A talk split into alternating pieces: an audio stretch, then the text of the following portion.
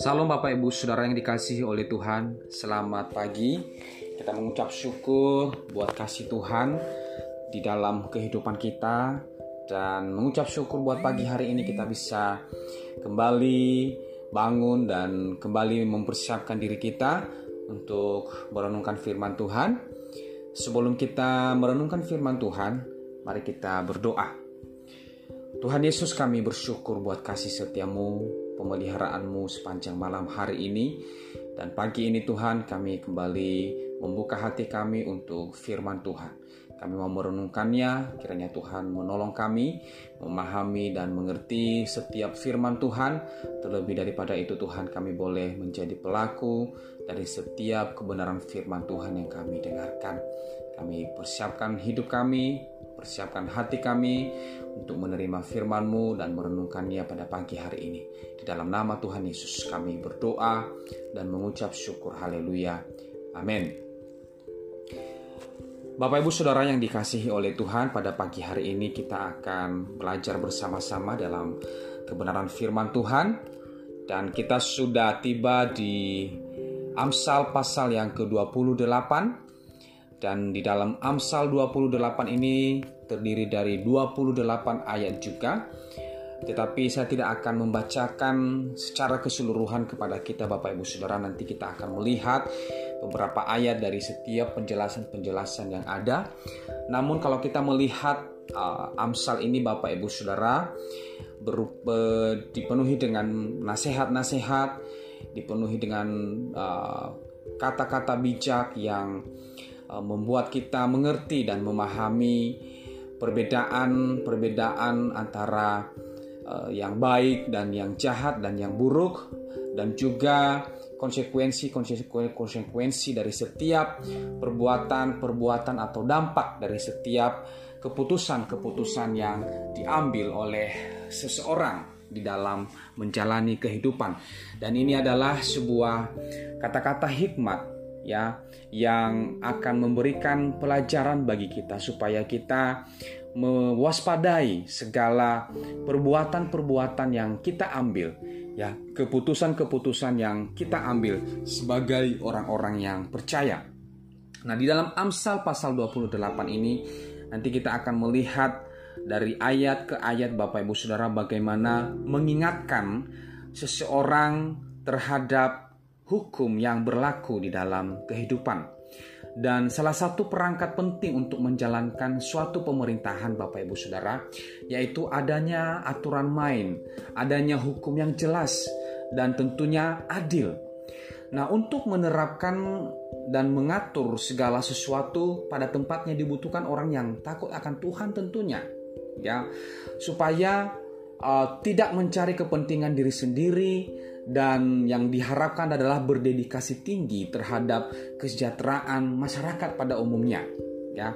Dan pasal 28 ini berbicara mengenai pentingnya hukum atau aturan dan pengelolaannya baik dalam tingkat suatu lembaga bahkan kalau dibawa kepada sebuah negara maupun dalam komunitas-komunitas yang lebih kecil ya.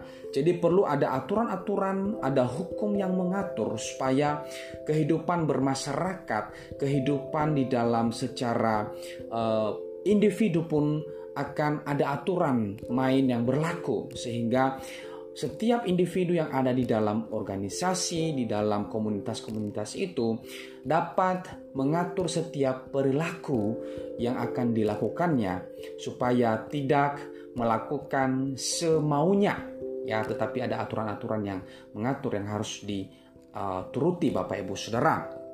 Nah, uh, yang menarik adalah kita melihat di dalam ayat yang keempat, tujuh dan ayat yang kesembilan ya di dalam ayat ayatnya yang keempat, orang yang mengabaikan hukum memuji orang fasik, tetapi orang yang berpegang pada hukum menentangnya. Ayat 7, orang yang memelihara hukum adalah anak yang berpengertian, tetapi orang yang bergaul dengan pelahap mempermalukan ayahnya. Dilanjutkan di dalam ayat yang ke-9, siapa memalingkan telinganya untuk tidak mendengarkan hukum, juga doanya adalah kekejian. Nah, di dalam tiga ayat ini Bapak Ibu Saudara menggunakan kata kata Torah kalau dalam bahasa Ibrani yang diterjemahkan uh, yaitu hukum. Nah, ini berarti bahwa hukum yang berasal dari Tuhan sendiri atau yang sering kita dengarkan adalah hukum Taurat. Nah, ini bukan semata-mata buatan manusia, kalau kita ketahui bahwa hukum Taurat itu dari Tuhan dan mencerminkan karakter Tuhan, bersifat kekal dan pasti adil tentunya Bapak Ibu ya. Penerapan penerapan hukum tersebut ya secara benar baik dalam lingkup personal, komunitas dan bangsa akan membawa kepada ketertiban dan kesejahteraan. Tentu kalau hukum-hukum Allah ini Bapak Ibu Saudara diterapkan di dalam sebuah komunitas dalam kehidupan kehidupan sehari-hari, maka uh, kehidupan akan berjalan uh, tertib, berjalan dengan sejahtera Bapak Ibu Saudara. Ya, pasti konflik akan berkurang kalau setiap orang mengikuti aturan-aturan atau mengikuti hukum-hukum yang telah ada ya. Nah, persoalan yang diangkat oleh Amsal adalah persoalan pribadi di balik penerapan hukum tersebut. Kalau kita melihat di dalam ayat yang kedua sampai yang kelima adalah karena pemberontakan negeri banyaklah penguasa-penguasanya tetapi karena orang yang berpengertian dan berpengetahuan tetaplah hukum. Orang miskin yang menindas orang-orang yang lemah adalah seperti hujan deras tetapi tidak memberi makan. Orang yang mengabaikan hukum memuji orang fasik tetapi orang yang berpegang pada hukum menentangnya. Orang yang jahat tidak mengerti keadilan tetapi orang yang mencari Tuhan mengerti segala sesuatu. Nah, pribadi yang jahat mengakibatkan rakyat tertindas. Biasanya pribadi yang jahat ini berpihak kepada orang-orang kaya sehingga membelokkan hukum untuk kepentingan segelintir orang saja.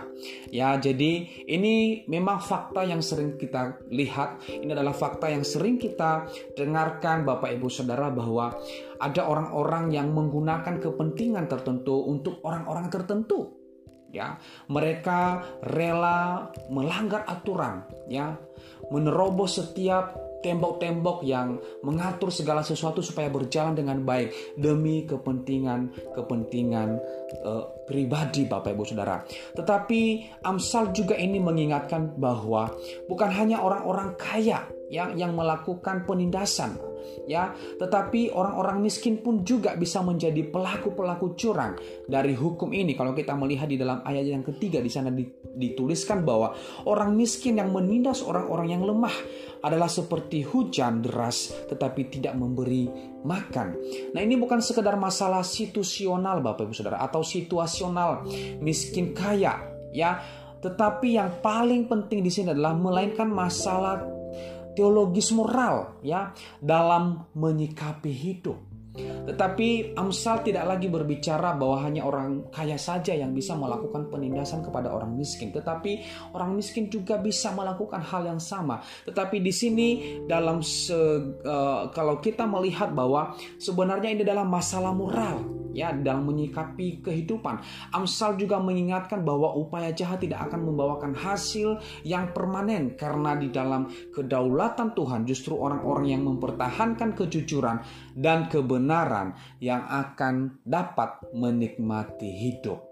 Jadi oleh sebab itu Bapak Ibu Saudara, di dalam Amsal ini kita belajar bahwa bukan hanya orang-orang tertentu yang mampu ya melakukan kejahatan tetapi mungkin kita pun bisa Bapak Ibu Saudara. Oleh sebab itu kita perlu mengawasi diri kita ketika kita di ada di posisi tertentu, di uh, memiliki jabatan-jabatan atau wewenang-wewenang tertentu. Mari kita melihat dan berhati-hati di dalamnya supaya kita tidak menggunakan wewenang itu atau kuasa itu untuk menindas orang lain.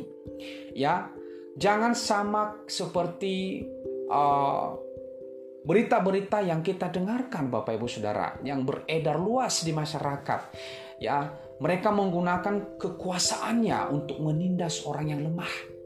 Tetapi Allah menginginkan orang-orang sebenarnya seluruh manusia ini harus hidup ya, harus hidup saling mengasihi, saling menolong Ya, di dalam firman Tuhan juga berkata bahwa bertolong-tolonglah menanggung bebanmu. Itulah kata firman Tuhan, itu yang Tuhan inginkan di dalam kehidupan kita.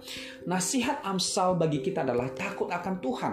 Ya di dalam ayat yang ke-14 di sana dikatakan bahwa berbahagialah orang yang senantiasa takut akan Tuhan, tetapi orang yang mengeraskan hatinya akan jatuh ke dalam malapetaka. Dan ditegakkan hukum, jangan menyerah akan kompromi bila kelihatannya semua orang di sekeliling kita bersikap liar serta memutarbalikkan kebenaran. Karena pada akhirnya pelaku-pelaku kebenaranlah yang akan dihormati dan kepemimpinan mereka lah yang menyelamatkan bangsa. Bapak Ibu Saudara, mari kita tegakkan keadilan di mana pun kita berada. Mari kita membawa, mem, mem, merepresentasikan karakter Kristus di mana pun kita berada Bapak Ibu Saudara.